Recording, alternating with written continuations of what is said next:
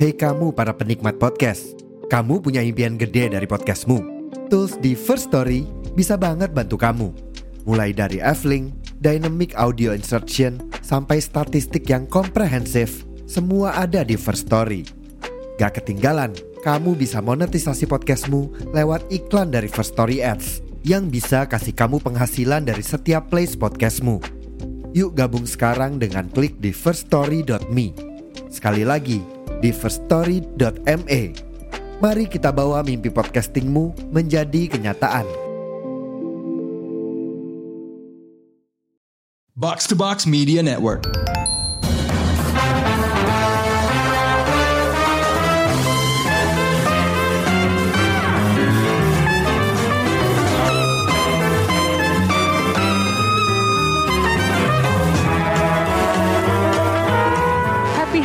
Pendengar Showbox Menyambut Halloween kali ini Gue pengen ngajak diskusi soal perhororan. Tapi kali ini temanya spesifik banget ya Yaitu ngebandingin horor dari timur versus dari barat. Karena rata-rata nih kalau gue ngobrol sama banyak orang di sini di Indonesia Mereka tuh banyak yang nganggap horor Asia lebih serem daripada horor barat dari Hollywood atau Eropa. Alasannya macam-macam Ada yang bilang setannya lebih serem Atau lebih spesifik lagi Mana ada vampir di Indonesia yang ada pocong. Jadi nonton film pocong lebih serem. Atau misalnya kayak waktu baru-baru ini kita ngobrol soal film Exorcist terbaru, malah dibandingin adegan exorcismnya lebih kalah daripada The Wailing di Korea. Jadi gue pengen bahas nih, bareng sama dua fans horor yang ada di Showbox, Rengga dan Krisna. Kenapa sih horor Asia itu lebih serem daripada horor Barat?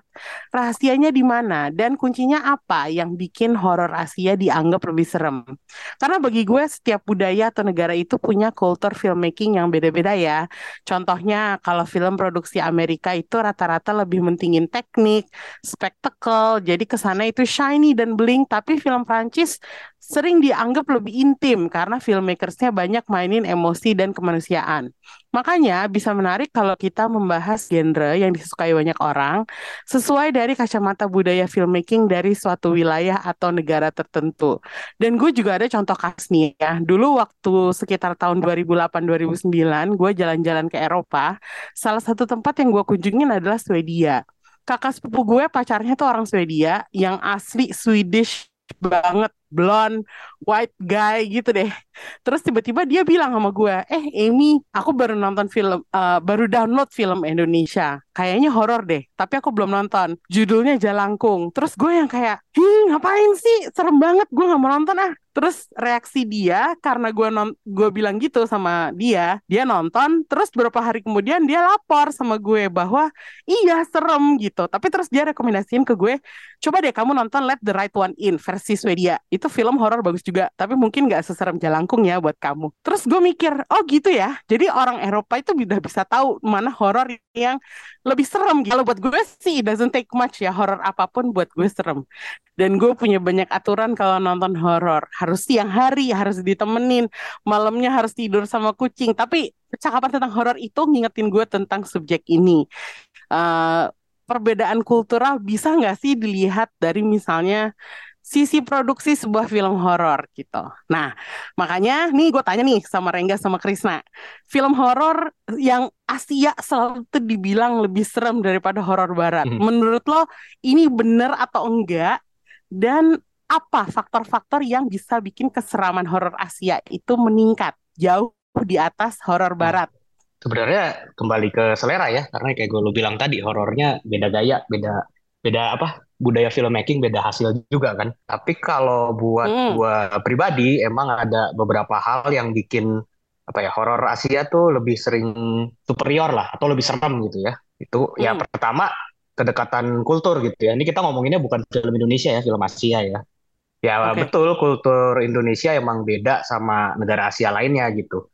Hmm. Kayak Thailand, Korea atau Jepang lah gitu. Tapi ada juga kesamaannya karena banyak ngomongin tentang klinik di kehidupan sehari-hari gitu kan apa kayak hmm. lah apa gitu terus urban legend tentang hantu akibat dendam karma atau kutukan tuh kan juga banyak dibicarakan di Asia gitu kan terus kayak soal ini juga apa soal religi dan praktik perdukunannya itu kan semua punya gitu kan itu yeah. pertama gitu terus yang kedua juga mungkin ceritanya tuh kadang bisa lebih dalam karena biasanya tuh ada elemen kayak dendam atau kutukan gitu. Jadi biasanya punya background story yang justru tragis yang mungkin lebih jahat dari hantunya sendiri gitu. Itu yang Ah. kadang bikin perasaan makin apa ya terkoyak-koyak gitu. Hmm. Terus satu lagi juga secara teknis nih ya, itu menurut gue juga mungkin ini ada faktor keterbatasan budget atau gimana, tapi hasilnya jadinya setnya tuh justru lebih realistis gitu menurut gue. Kayak kayak rumah tuh ya beneran kayak rumah gitu, terus apartemen ya kayak apartemen, terus semuanya tuh ya kayak yang biasa kita lihat sehari-hari lah. Setting apa ya? Setting yang sa- misalnya aja gitu ya, setting yang sama rumah atau apartemen gitu ya, Mm. itu bakal bisa juga itu setting dipakai buat film dengan genre drama atau bahkan komedi gitu. Misalnya kayak kalau gue kasih contoh di di film Jepang gitu ya, Rumah di Mm. Ju-on itu kalau Mm-mm. dipakai buat film komedi keluarga kayak What a Wonderful Family juga sama, bisa pakai rumah yang sama gitu. Jadi kayak apa ya, nggak nggak suka dikasih, nggak selalu gitu ya. Ada kadang beberapa, tapi biasanya mereka yang lebih sukses tuh yang justru setnya tuh nggak dibikin efek apa ya, eh, gelap-gelapan yang berlebihan lah gitu. Terus apa ya, satu Hmm. lagi terakhir juga menurut gua mereka lebih apa ya, biasanya film-film horor Asia tuh lebih jago ngebangun atmosfer sesuai kebutuhan filmnya gitu. Jadi kalau mereka emang mau nonjolin keheningan eh apa atmosfer gitu ya, horor Hmm. yang mencekam atmosfer gitu, Hmm. atmosferik, mereka nggak nggak takut untuk eh, pace-nya di sedikit di lebih lambatin atau eh, audionya dibikin lebih sunyi itu mereka nggak ragu-ragu untuk melakukan itu gitu dan hasilnya emang bakal lebih eh, efektif menurut gue. Itu sih paling kalau menurut gue. Empat faktor itu ya buat lo yang bermain di horor Asia sehingga hasilnya lebih superior gitu. Heeh, heeh. Oke. Menurut gue pribadi ya. Oke, Em, kalau menurut Rengga, apakah beda nih sama Krisna? Sepertinya gue mendeteksi selera horor kalian berdua nggak gitu mirip-mirip banget gitu. Jadi makanya gue penasaran, apakah jawaban lo bakal berbeda dari Krisna nih, Reng? Gue setuju sih sama Krista sebenarnya. So, so, soalnya menurut gue basically eh, horor itu banyak banget dipengaruhi sama ini ya sosiokultural ya. Ya, Mm. Apa yang apa yang bekerja di Indonesia belum tentu bekerja di tadi lu bilang mungkin Swedia gitu ya. Nggak semua orang bisa relate sama hal itu apa yang apa yang serem di Amerika bisa serem di sini bisa juga Hmm. enggak gitu kan.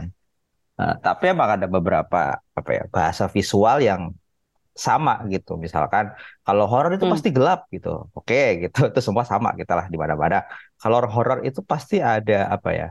Ada jump scare-nya. Oh bisa, bisa juga gitu kan. Nah, itu itu itu bisa digunakan di berbagai apa ya, berbagai negara gitu. Tapi gue kalau ngomongin masalah visual sih, visual dan segala macamnya tadi sebenarnya udah dijelasin Mm. sama Krisna ya, secara lebih lengkap. Gue setuju akan hal itu sih. Hmm. Dan apakah lo setuju juga dengan yang Krisna bilang tadi tentang eh, tekniknya juga, Reng? Kayak misalnya setnya nggak perlu terlalu didandanin, ya udah apa adanya aja. Itu justru bikin lebih serem gitu.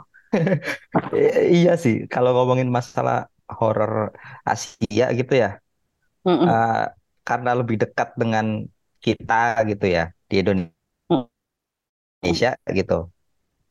Itu jujur lebih serem sih karena itu kayak bisa nggak usah yang di Indonesia deh kita ngomongin ya yang sedikit lebih jauh gitu di ASEAN gitu misalkan di Thailand gitu. Mm. Kayak waktu itu kita, kita nonton apa ya Chris ya? Yang mana? Ya kita nonton terus kayak lah aduh ini kompleknya kayak ru- komplek Ladalen. Ladalen. Yang settingnya Oh. komplek perumahan tuh Ladalen. Iya. Oh. Iya iya itu Iya, kayak, mirip. kayak, lah, itu kan jadi kayak familiar banget gitu ya itu kayak ah, ah, Iya. bisa terjadi di di di di gua nih kayak gini nih gitu loh Literally, literally komplek rumah yang mirip ya. betul kayak ini Mirip, perumahan mirip rumah nih gitu. Kan lebih kayak gitu. Jadi kan eh, karena deket dengan kita jadinya kita berasa lebih serem gitu. Kalau misalkan contohnya kita lihat di di Hollywood gitu ya. Kita kan nggak ada kedekatan kultural gitu kayak wah filmnya serem nih. Tapi kan ya ya contohnya sesimpel tadi kayak perumahannya beda. Jadi kayak nah ini kayak kayaknya nggak mungkin ini kejadian sama gue sih serem sih. Tapi kayaknya enggak deh gitu loh Ya, settingnya di Iya. kabin di tengah hutan gitu kan. Kapan kita ya situ kan kan? di Indonesia di mana ada kambing di tengah hutan gitu Yang ada hutannya doang tanpa kabin ya. iya ada hutan kota tuh di Senayan. Nggak ada Oh. kambing. Rame juga. Itu rame, jadi nggak serem. Iya. Um, Iya. Oke, Em, ada nggak sih bisa sebutin nggak sih horor eh, Asia dari negara mana pun ya yang lo anggap Mm-mm. paling serem dan kenapa judul tersebut menjadi the ultimate scary movie? Waduh, apa ya? Apa Chris? Kalau gue sih kalau dari Eh. Korea The Wailing. Mm-mm. Ah, dari Jepang, Jepang tuh dulu sempet se- apa ya? Menurut gue sempat memproduksi film-film horor paling serem pada masanya ya. Ya, 2000-an awal lah. Iya, 2000-an awal Ju-on. Wah, itu serem banget. Gue pertama kali nonton ng- nggak bisa tidur itu beneran. Tapi makin makin ke sini makin kalah jauh sama Korea. Hmm. Terus Thailand tuh juga kalau bikin horor kan serem-serem banget. The Wailing, Hmm. eh The Wailing, Medium. Medium, Hmm. Medium. Terus kalau dulu Pimak, terus apa? Yang mata itu. komedi kali. Eh Pimak komedi ya? Salah. Yang itu nang-nak, nang-nak. Cerita Oh, Nang diambil dari Iya, Nongnak. Terus mitologi yang sama sih. Hmm. Iya, terus apa? The Hmm. Eye dulu ya. Terus apa tuh yang Eye itu yang Taiwan. itu sister, sister apa? Tale of Two Sister. Oh, Taiwan ya? Oh iya, Ding. Iya, Eye juga itu serem sih. Itu sih. Kalau Indonesia apa ya? Hmm. Film Indonesia tuh saking banyak horornya gue sampai Sekarang. lupa. Kayak gue pengen gue pengen men-sharing sebuah cerita gue sama Rengga pernah rekaman serial eh waktu itu ada Jawa-Jawanya deh kisah tanah Jawa kalau nggak salah Oh terus iya. tiba-tiba komputer Rengga berhenti bekerja di tengah rekaman serem banget Abis itu gue nggak pernah lagi ngusulin judul horor yang berhubungan sama Jawa ya kayak gue takut karena Mm-mm. apa buku itu kan dari buku diangkat dari buku terus katanya bukunya itu juga menimbulkan Oh efek-efek iya, yang agak bener. Gue yang agak-agak nyeremin gitu. Iya, iya, iya. Iya. Jadi Betul, itu betul. apa ya? eh gue sebagai orang Jawa kenal banget sama kulturnya. Jadi gue kayak aduh nggak deh mendingan mendingan nggak usah deh. Mendingan jauh-jauh aja gitu. Eh kita ngebahas Kalau- horor dari Eh. negara lain aja gitu. Kalau gue. Kalau ngomongin tadi film apa yang ada elemen Jawa Indonesia lah gitu ya, Mm-mm. paling serem menurut gua Mm-mm. itu Keramat, Keramat pertama. Oh iya, Oh, iya, Itu- iya, iya, iya. Iya, iya. Nah, itu kalau ngomongin yang dari Indonesia, ultimate scary movie itu buat gua itu uh, Keramat karena tuh eh dia kan pakai found footage ya. Menurut gua itu apa ya? Contoh found footage yang efektif banget gitu. Bahkan mungkin salah satu yang terbaik yang pernah diproduksi di dunia gitu. Kayak formula Waduh. Iya, Wow. formula terornya tuh beneran nggak ketebak gitu. Ditambah atmosfer dari lokasi-lokasi itu juga mencekam gitu. Terus ceritanya juga beneran nggak ketebak gitu. Itu kalau dari Indonesia sih menurut gua. Tapi kalau tadi lu nanya yang Asia ya, kalau gua ada satu yang mesti gua sebut itu karena dulu gua nonton pas kuliah. Gue inget Hmm. eh, tiba-tiba dirilis di bioskop di Indonesia. Terus gua bolos kuliah buat nonton itu di Wijaya yang bioskopnya sekarang juga udah nggak ada. Itu Scatter dari Thailand. Wah. Oh iya itu itu Ya, ultimate itu juga itu sih itu. kalau kalau kalau spesifik ke genre yang ngandelin jump scare, nah itu ultimate-nya menurut gua. Karena kayak Oh, iya beneran Oh. apa sih sepanjang film tuh bener-bener nggak berhenti gitu. Terus eh, apa beneran nggak terduga juga munculnya gitu kayak apa ya? pa- Paling gue inget adegan, biasanya lu kalau adegan horor yang lagi tidur gitu ya, di Mm-mm. kamar gitu, itu kan lu sendirian gitu ya di terornya. Mm. Ini lu tidurnya berdua tapi lu bisa diteror gitu. Kayak nyelip atau muncul dari selimut di tengah-tengah di tengah-tengah lu sama pasangan lu gitu. Itu kan males ya gitu. Terus Males kayak banget sih. Eh, eh, terus kayak apa cara make eh, klimaksnya yang make pantulan kaca gitu ya, bukan cermin bahkan kaca gitu. Mm-mm. Eh, jadi bayangannya yang cuman sekilas doang gitu kan kalau di kaca kayak pintu pintunya kebuka gitu terus kayak kelihatan bayangan di kaca dikit kayak ternyata si protagonisnya tuh ditempelin hantu di pundaknya itu kayak waduh tuh gue sejak itu lumayan parno kalau pundak gue sakit pegel gitu tuh wah kebayang-bayang langsung tuh Itu juga revolusioner itu sih gitu. itu. Shutter tuh. Setelah itu jadi banyak Iya. yang pakai gaya gayanya dia kan. iya Hmm. Jump scare dia tuh banyak ya sutradara yang sama sama The Medium juga kan si Iya Banjong betul si. Banjong. Mm-mm. Ah, Gue dengerin ceritanya Krisna waktu itu di waktu kita masih kerja di All Film ya, Krisna pernah menjelaskan Shutter ke gue dan gue kayak abis itu enggak gimana pun juga horor itu gue nggak akan pernah nonton karena gue dari deskripsinya aja tuh udah Enggak banget sih, Chris. Iya. itu kayaknya Nah, yang itu kan terus diadaptasi ke Hollywood kan. Mm-mm. Nah, itu yang Hollywood jelek banget menurut gua karena ternyata yang nggak Oh. works gitu.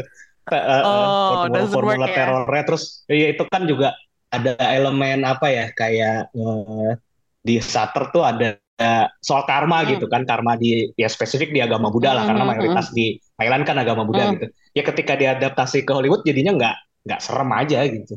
nggak ke-translate dengan baik ya, karena Iya. Hollywood bukan negara yang bukan Hol- maksudnya Amerika tuh bukan negara yang menjunjung tinggi kepercayaan gitu. Jadi Iya. sepertinya ada the missing element gitu, the missing cultural element gitu. Um, ini kita tadi udah ngomongin horor Asia ya. Um, horor Indonesia juga nggak kalah ya kalau menurut gue. Ya Krisna udah udah nyebut satu judul tadi Keramat dengan uh, format found footage yang jadi ultimate scary found footage gitu. Um, ada nggak sih horor Indonesia yang menurut lo sejajar kedudukannya untuk film-film horor Asia terseram? Selain keramat ya.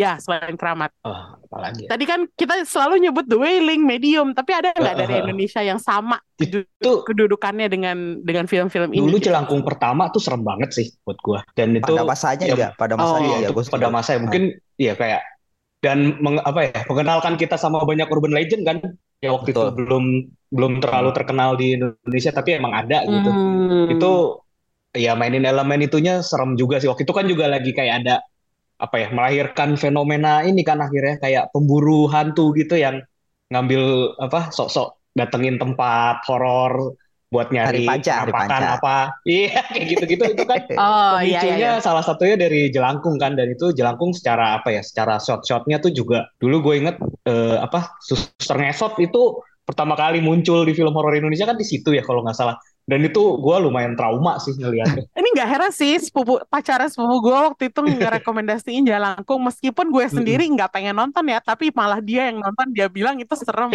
gitu. Jadi kalau Jalangkung pertama gue nggak heran sih. Chris kayak reputasinya sepertinya udah lumayan global gitu jadinya. Kalau menurut Iya. lo Reng ada nggak Mm-mm. horor Indonesia yang sejajar kedudukannya dengan The Wailing atau Medium tadi yang lo sebutin? Aduh, apa ya? Nggak inget lagi gue. Tapi ada satu banyak. lupa banyak ya Soalnya menurut gue film horor Indonesia itu banyak banget. Jadi kadang di ingatan gue tuh banyak kayak kecampur gitu. Tapi kalau yang memor memorable sih ya itu Jelangkung.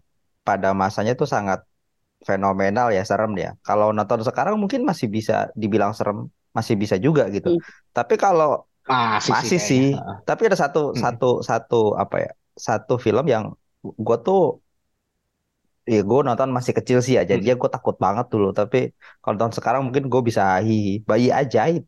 Oh, yang asli ya? Iya, iya, iya. Tapi Yang yang, asli dulu, ya? yang asli, yang asli itu gue takut banget dulu nonton Kenapa ini- takutnya? nonton itu sih. Ya lu bayangin gitu bayi tapi mukanya tua gitu, kakek-kakek kayak kakek gitu, nongol gitu kan kayak keluar dari banget. toilet gitu kan Iya, Waduh. nggak lazim iya banget sih. gitu, gitu. Iya iya iya. Kebayang sih. ya ikonis gitu kan Iya, ah, gitu. Tapi kalau yang adegan dan setannya yang zaman sekarang sih jujur, eh gue nggak ada yang terlalu ini ya, terlalu gimana gimana. Tapi kalau secara Belum ada yang menonjol secara ya? production, eh film-filmnya Joko Anwar menurut gue udah bisa kalau dibilang level internasional udah bisa sih. Secara dia productionnya bagus ya. iya Contoh dulu setan at least Pengabdi Setan Setan, Hmm. Ah, iya itu Pengabdi Setan. Terus eh Rumah Dara tuh Perempuan. horor nggak ya? perempuan tanah jahanam Oh iya, Apa? Perempuan Tanah rumah dara Rumah Dara bukan Joko Anwar sih. bukan Iya, mau Brother itu masuk horor nggak? Hmm. Apa slasher? Kayaknya horor lah horor sih bisa Horor ya? dibilang.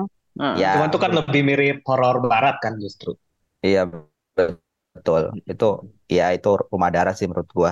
Sama iya itu Perempuan Tanah Jahanam juga masuk sih menurut gua as a production ya. Production value-nya bagus banget soal. Ya, ya, ya, Ya. ya. Gue setuju sih. Wah, soal kalau kalau soal produksi dari nama-nama yang lo sebutin Joko Anwar, Timo, Kimo itu emang udah intinya produksi level mereka tuh emang lebih tinggi gitu intinya. Kayaknya sih gitu ya. Heeh. Dan so- soalnya menurut gua ini sedikit horor lokal ya. Hmm. Horor lokal itu banyak yang mengandalkan terlalu mengandalkan jump scare sebenarnya. Itu yang gue kurang suka dari horor lokal. Oh, Oh, Uh, oke. jadi kayak ceritanya itu kadang kurang digarap tapi kayak ngagetin aja udah gitu loh. Andalannya Hmm. itu Dan aja. kadang repetitif juga. Iya, heeh. Jadinya kan ya boring aja menurut gue jadinya. Tapi makin ke sini makin variatif sih menurut gue film horor Indo. Tapi lumayan lo nyebutin um, eh, kemarin kita ngebahas eh, teluh darah bukan sih? Ya kan? Iya. Ya. Yang Iya. itu ceritanya kan unik ya menurut kalian bahwa um, ini ada kutukan nih gitu dan kutukan Iya. ini biasa diangkat gitu bahkan di horor Indonesia sekalian gitu. Um, terus gue jadi keinget waktu HBO bikin folklore dan itu kalau Hmm. menurut gue di situ ceritanya juga lumayan bagus-bagus tuh meskipun nggak Joko Anwar semuanya ya? Oh, Joko yang Anwar. Iya, iya. Iya, yang Joko Anwar kan yang Indonesianya. Joko Anwar kan mewakili Indonesia kan di season Iya. pertamanya folklore dan itu ceritanya bagus banget karena dikaitin dengan hubungan ibu sama anak gitu Mhm. Iya, dan iya, iya. akhirnya dia ke wewe gombel gitu itu terakhir Iya. kayak wow sebenarnya yang, yang secara horor wewe gombelnya mungkin nggak nakutin tapi karena cerita ibu anaknya kuat banget jadi gue merasa kayak nonton itu tuh kayak aduh ini gue hati gue tuh kayak ternyuh banget gitu karena inget cerita sama ibu sendiri gitu jadi Mhm. makanya gue merasa emang kalau di Asia yang bikin kita jadi merasa lebih serem atau terpengaruh sama cerita horornya itu adalah ya ya kisahnya di dalamnya karena deket Iya. sama kultur kita ya nggak sih. Betul, Betul, betul. gitu produksinya nggak usah dibilang ya kayak telur darah kan kalian juga waktu itu puji ya Iya, iya. Iya, saudara produksinya itu kan udah- contohnya yang tadi kayak si Rengga bilang udah nggak ngandelin eh, jump scare sebenarnya kan, ah ya ya lebih itu dia atmosferik kan, dan kekuatan ceritanya sendiri gitu, si kutukannya itu sendiri gitu. sebenarnya dari zaman folklore tuh kualitasnya udah setingkat itu loh Chris. Maksud gue Iya, eh, iya, iya. emang ternyata kualitas produksi TV pun kalau di Asia itu juga main. Justru malah kayaknya Iya. lebih gede budgetnya ya karena nih dari dari istilahnya OTT OTT yang yang bermain gitu intinya gitu gitu. Sementara film kan mungkin terbentur nggak bisa eh, ngeluarin budget gede kalau buat Iya, horor iya. gitu meskipun Mm-mm. sebenarnya genre ini paling populer ya kalau kita ngomongin di industri Penontonnya paling film. banyak di Indonesia. Iya, itu dia gitu. Em, tapi kalau ngebandingin keseluruhan ya, negara mana tuh di Asia yang paling maju kalau soal horor. Nih kita ngomongin dari segi keseluruhan yaitu cerita, keseraman, filmmaking, inovasi, Mm-mm. kualitas produksi, semuanya lah intinya gitu. Beberapa tahun lalu sih kalau lu tanyanya beberapa tahun lalu gitu ya, ya sejak eh, La La Land gitu kayaknya gue baru nemu The Medium yang cukup kuat gitu. Terakhir gue nonton Home Foreign aja tuh eh, agak mengecewakan gitu. Jadi kayaknya emang Thailand lagi agak sedikit penurunan gitu ya. Gue nggak tahu kalau misalnya gue ada yang kelewat atau nggak dirilis di sini mungkin ada yang bagus gue nggak ya mungkin aja gitu. Tapi yang yang dirilis di sini at least gitu kayaknya agak-agak menurun gitu ya. Terus kalau kayak dulu kayak tadi si Rengga bilang kayak 2000-an awal tuh kan sebenarnya Jepang memproduksi banyak banget film horor yang bagus gitu ya kayak Noroi the Curse tuh juga menurut gue salah satu film horor terbaik lah sepanjang masa gitu. Terus ada Mm-mm. tadi Ju-on gitu kan The Ring gitu. Tapi emang beberapa tahun terakhir juga gue nggak nemuin yang kuat lagi gitu. Kecuali mungkin Gannibal kalau lu masukin ke horor tuh oke banget kan.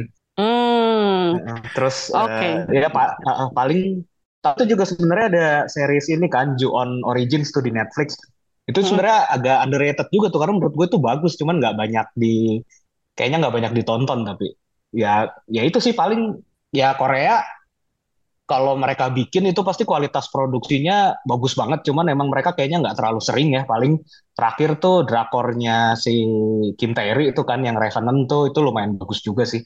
Jadi Oh, gue agak bingung sih kalau kalau nyebut yang terbaik sekarang gitu ya. Sebenarnya ini kesempatan buat Indonesia sih harusnya Oh, oh, untuk nyamain negara-negara lain ya. iya Oke. kayak lagi pada tidur gitu kan Jadi menurut lo, nih industri horor di Asia lagi tidur nih intinya sekarang. Ah, enggak. Cu- Cuman kayak gue lagi nggak nemu oke banget aja sih kayak di era-era 2000-an awal oke, gitu. oke. Lo setuju kah Reng atau lo punya opini lain?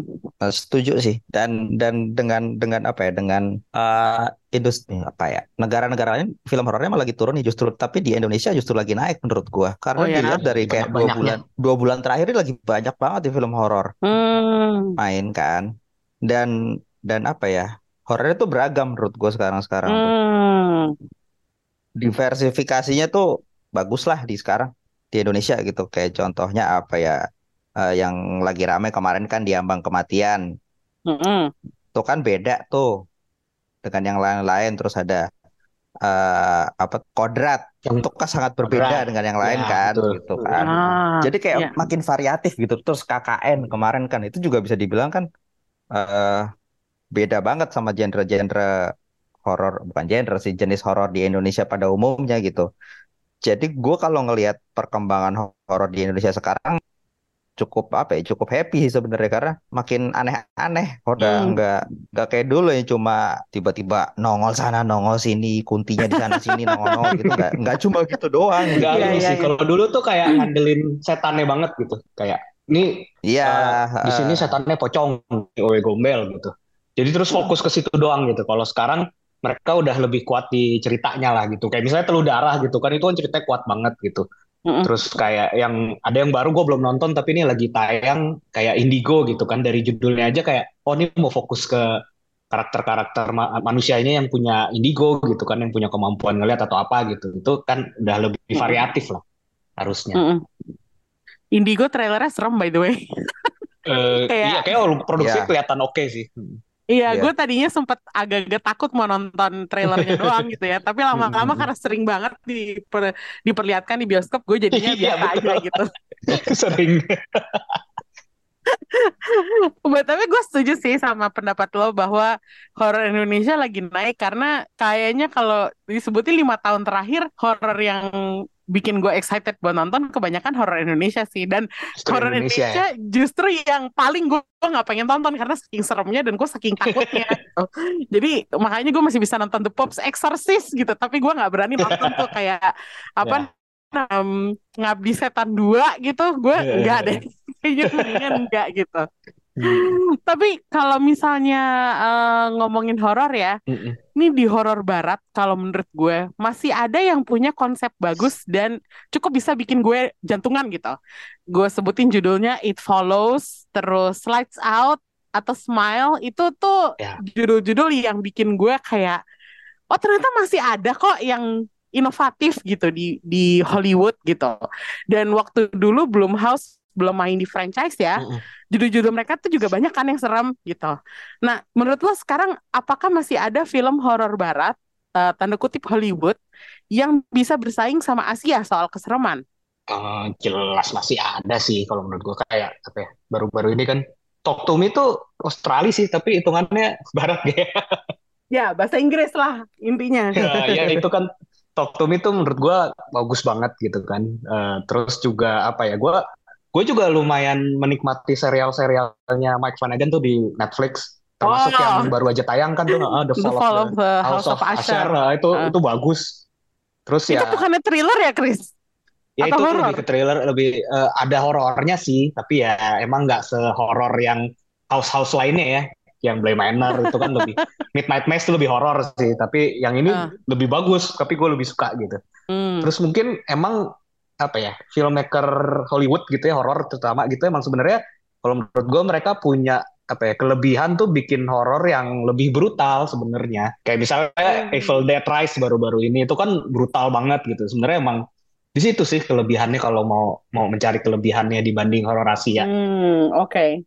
Rengga, ada pendapat tentang Hmm. horor barat yang istilahnya lebih serem atau seserem horor Asia? Jujur gue lagi nggak banyak nonton film horor barat ya. Eh, tapi kalau mau menambahkan, ya itu Midnight Mass itu salah satu film horor barat yang paling gue suka sih. Hmm. Series, Eh series ya, sorry, iya series. series. ah. Ah, tapi kalau film ah yang mainstream aja sih It itu menurut gue serem. Ah, Ya, ah, ah. Tapi kalau yang baru-baru sih jujur gua nggak nggak banyak referensi Krisna yang lebih banyak referensi ya, ya. Itu yang tadi disebut si Emmy si Smile juga bagus tuh. Tapi itu kan hmm. juga sama kan lebih brutal kan, lebih gory gitu kan sama iya, kayak. Iya bener. Emang kekuatannya mungkin di situ kali ya. Mereka lebih iya. kalau itu lebih apa lebih suka bloody gitu gore gitu kan darah ke mana-mana gitu kan mereka lebih senang main ke situ sih sebenarnya jadi mungkin itu lebih menambah kesan apa ya horor brutal oh. gitu. Ke situ sih kayaknya tapi itu nggak nggak jauh beda sih sama uh, pemahaman gue terhadap industri mereka. Karena kan mereka demennya yang bombastis gitu ya. Jadi kayaknya ya bisa bisa. yang highly brutal kayaknya lebih cocok sama gaya Penonton filmmaking ya? mereka iya, itu balik lagi mungkin. ke kultural juga sih. Mm -mm. ya kan? Iya, iya. Tapi iya. justru ada ada satu gue baru ikut satu satu film horror yang gue takut banget pas nonton itu Sinister. Oh iya, itu. Oh Sinister, si... itu dari produksi Blumhouse, Blumhouse awal iya. ya. Ha, ha, ha itu salah satu yang emang paling si, depresi. Ini kan betul. Dokter Strange kan? Depresi banget. Iya. Saudaranya? Uh. Iya, uh, iya. Uh, itu kayak apa ya? Itu kan nggak nggak apa ya? Nggak nggak Hollywood banget kan sebenarnya kan? Itu benar-benar main suspense terus kayak banyak banyak apa ya? Nggak ada nggak ada nggak ada suaranya, terus beneran main suara banget mm. gitu loh. Tapi itu beneran nakutin banget sih. Gue takut banget itu nonton mm. Sinister. Gue setuju sih. Sinister itu judul yang sampai sekarang gue agak-agak kalau misalnya orang ngomongin Bloomhouse itu yang paling pertama gue rekomendasiin kalau buat soal serem-sereman karena itu satu-satunya yang gue tonton dan habis itu gue trauma. Menurut lo nih kalau justru seremnya pas ngeliat video-videonya. iya itu dia. Iya benar. Mana waktu itu di zaman itu gue masih suka nonton gue suka nonton VHS. Jadi makanya gue kayak berasa deket banget gitu lagi. Iya, iya, kan iya. kedekatan ya dengan iya, dengan situasi personal kita gitu. Jadi pada saat itu karena gue masih main VHS, jadi gue merasa aduh ini gue kayaknya mendingan gue stop main VHS deh. Gitu intinya gitu sih. Nih sekarang gue pengen nanya guys, menurut lo kalau kita ngomong ke orang Amerika atau orang Eropa, Latino, apakah mereka juga bakal bilang horror Asia lebih serem? Yeah. Ini iya. kan tadi cerita gue di awal, pupu gue pacarnya yang orang Swedia bilang Jalangkung lebih serem daripada Let the Right One In. Padahal Let the Right One In juga bagus, gak kalah oh, gitu. Bukan film horor kacangan hmm. gitu. Um, atau apakah kita bisa bilang horor Asia lebih serem? Itu karena kita nih pandangannya sudut pandang orang Indonesia yang intinya industri filmnya terlep ter apa ya?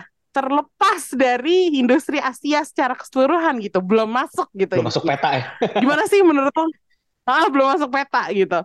Gimana nih menurut lo? Ya bisa jadi sih. Terkadang kan ya balik lagi kayak yang udah kita bahas. Emang gitu kan hmm, settingnya segala macem jadi ya ya gue nggak yakin sih kalau ditanya ke orang umum di Amerika atau di Eropa uh, Latino gitu itu mereka akan akan bilang Asia lebih serem gitu bisa jadi enggak gitu karena mungkin mereka lebih familiarnya lebih cocoknya ya dengan horor-horor yang produksi Hollywood yang lebih dekat dengan rumah mereka gitu. hmm, gitu. Berarti orang kayak pacarnya sepupu gue tuh anomali ya kayaknya dia uh, iya. Bisa melihat. Gitu tapi uh, hmm. menurut gue sih ya berdasarkan apa yang kita rasain kan begitu gitu ya. Hmm. tapi kadang-kadang kalau gue ngeliat blogger-blogger Amerika gitu ya uh, mereka tuh sering bilang Killing adalah film paling serem yang pernah mereka lihat gitu. Gue jadi ngerasa ini lo ngomong karena apa? gitu. Apakah lo emang bener ngerti keseramannya di mana? Atau lo cuma pengen terlihat keren dengan nyebutin judul Asia doang atau gitu? Intinya gitu ini sih. kali apa fresh buat mereka kali ya. Ah karena nggak biasa ya. Karena bukan iya, sesuatu uh, yang yang uh, uh, uh, sering mereka temuin gitu. Iya, maksudnya okay. mungkin apa ya uh, horor tuh jelas lebih dekat buat kita gitu ya dibanding buat saya produksi horor di di di di Asia di Indonesia tuh kan memang lebih banyak daripada di Amerika mm. gitu misalnya. Jadi ya itu mungkin uh, konsumsi horornya nggak sebanyak kita dari kecil gitu. Jadi ketika ngelihat dan kita juga udah terbiasa ngelihat uh, dari mana-mana dari seluruh dunia gitu kan, nggak cuma terbatas dari Hollywood doang gitu. Jadi ketika mereka nonton horor Asia tuh buat mereka lebih fresh kali. Hmm, oke. Okay. Ya, gue gue bisa memahami pemandangan itu sih, Chris. um, kalau Rengga ada pendapat lain kah tentang apakah orang di luar itu bisa setuju bahwa horor Asia lebih serem daripada horor Barat? Nah, itu masuk akal sih tadi uh, pendapatnya Krisna karena berasa lebih fresh jadinya dia merasa kayak wah oh, ini lebih bagus nih gitu. Hmm. Iya itu masuk akal sih tapi ya balik lagi tuh tapi kalau secara keseluruhan balik lagi sih ke sosiokultural kali ya. uh, belum belum tentu juga yang misalkan orang Amerika gitu suruh nonton jelangkung mungkin mereka malah ketawa kali lihat pocong gitu kayak ini apa sih seremnya? gitu. Iya benar ada, ada, ada, ada guling di tengah gitu. hutan gitu, gitu. iya kan? Lebih universal ya universal banget di Indonesia kita sepakat bahwa uh, apa ya Iko Uwais versus Kang Cecep gitu hand to hand combat wah itu keren banget lu kasih lihat itu ke Amerika mereka bakal berpendapat itu keren banget gitu uh, tapi yeah, kan yeah, yeah. beda kalau misalkan kita kasih lihat di sini pocong gitu. Wah, serem banget. Di sana diketawain mungkin. karena guling. Soalnya karena kayak apa nih guling sih? Apa seremnya gitu. Iya, iya, iya, iya. Soalnya di sana juga menurut gua horornya itu lebih ke apa ya? Kalau di sini kita takut dengan hal yang nggak kita lihat gitu. Sementara mm. kalau di sana kan mereka nggak percaya hantu sebagian besar orang kan. Iya. Jadi mereka lebih takut ke sesuatu yang contohlah kayak monster zombie terus hmm. apalagi ah, ya chupacabra kayak hmm. gitu kan kayak mereka bisa ah, werewolf gitu itu menurut mereka serem gitu buat kita kan kadang kalau misalkan uh, make upnya jelek kita malah diketawain apaan sih nih gitu kan makanya juga yang kayak kita just... zaman dulu juga kan yang lebih laris yang slasher slasher gitu kan kayak Scream, yeah, Judith uh, Samar, gitu. ya, ya, ya, yang bentuknya emang makhluk gitu loh. Hmm. Freddy, ya, Jason, si ya Mike gitu Myers kan. gitu kan juga gitu kan. um, kok Mike Myers sih? Mike siapa? Kok Mike Myers? Lu eh, Halloween Halloween. Mike ya, Halloween. Lah intinya gitu. Oke, okay, um, berarti intinya emang harus dilihat dari kacamata kultural juga ya, guys. Kalau kita mau ngomongin horor antara barat sama timur itu memang ada bedanya gitu. Ya emang nggak bisa disangkal bahwa kultur barat sama kultur Asia itu memang agak beda. Uh, nggak mungkin sama gitu uh, cara kita memandang horor dari um, yang serem buat yang barat sama yang serem buat yang timur itu memang pasti ada perbedaannya gitu. Tapi kalau buat gue ya terserah lo lo suka horor macam apa itu personal iya. ya. Seperti kata Krisna tadi ya pilihan pilihan lo sendiri yang bakal berpengaruh gitu. Kalau lo suka horor vampir atau monster serta Hollywood ya silakan aja dinikmatin kalau menurut lo vampir udah dirusak Twilight jadi lo lebih pengen nonton di Asia di Asia silakan juga nikmatin gitu. Intinya semua tergantung sama selera pribadi yang nonton. Jadi gue nggak bakal bilang kenapa yang satu lebih serem daripada yang lainnya.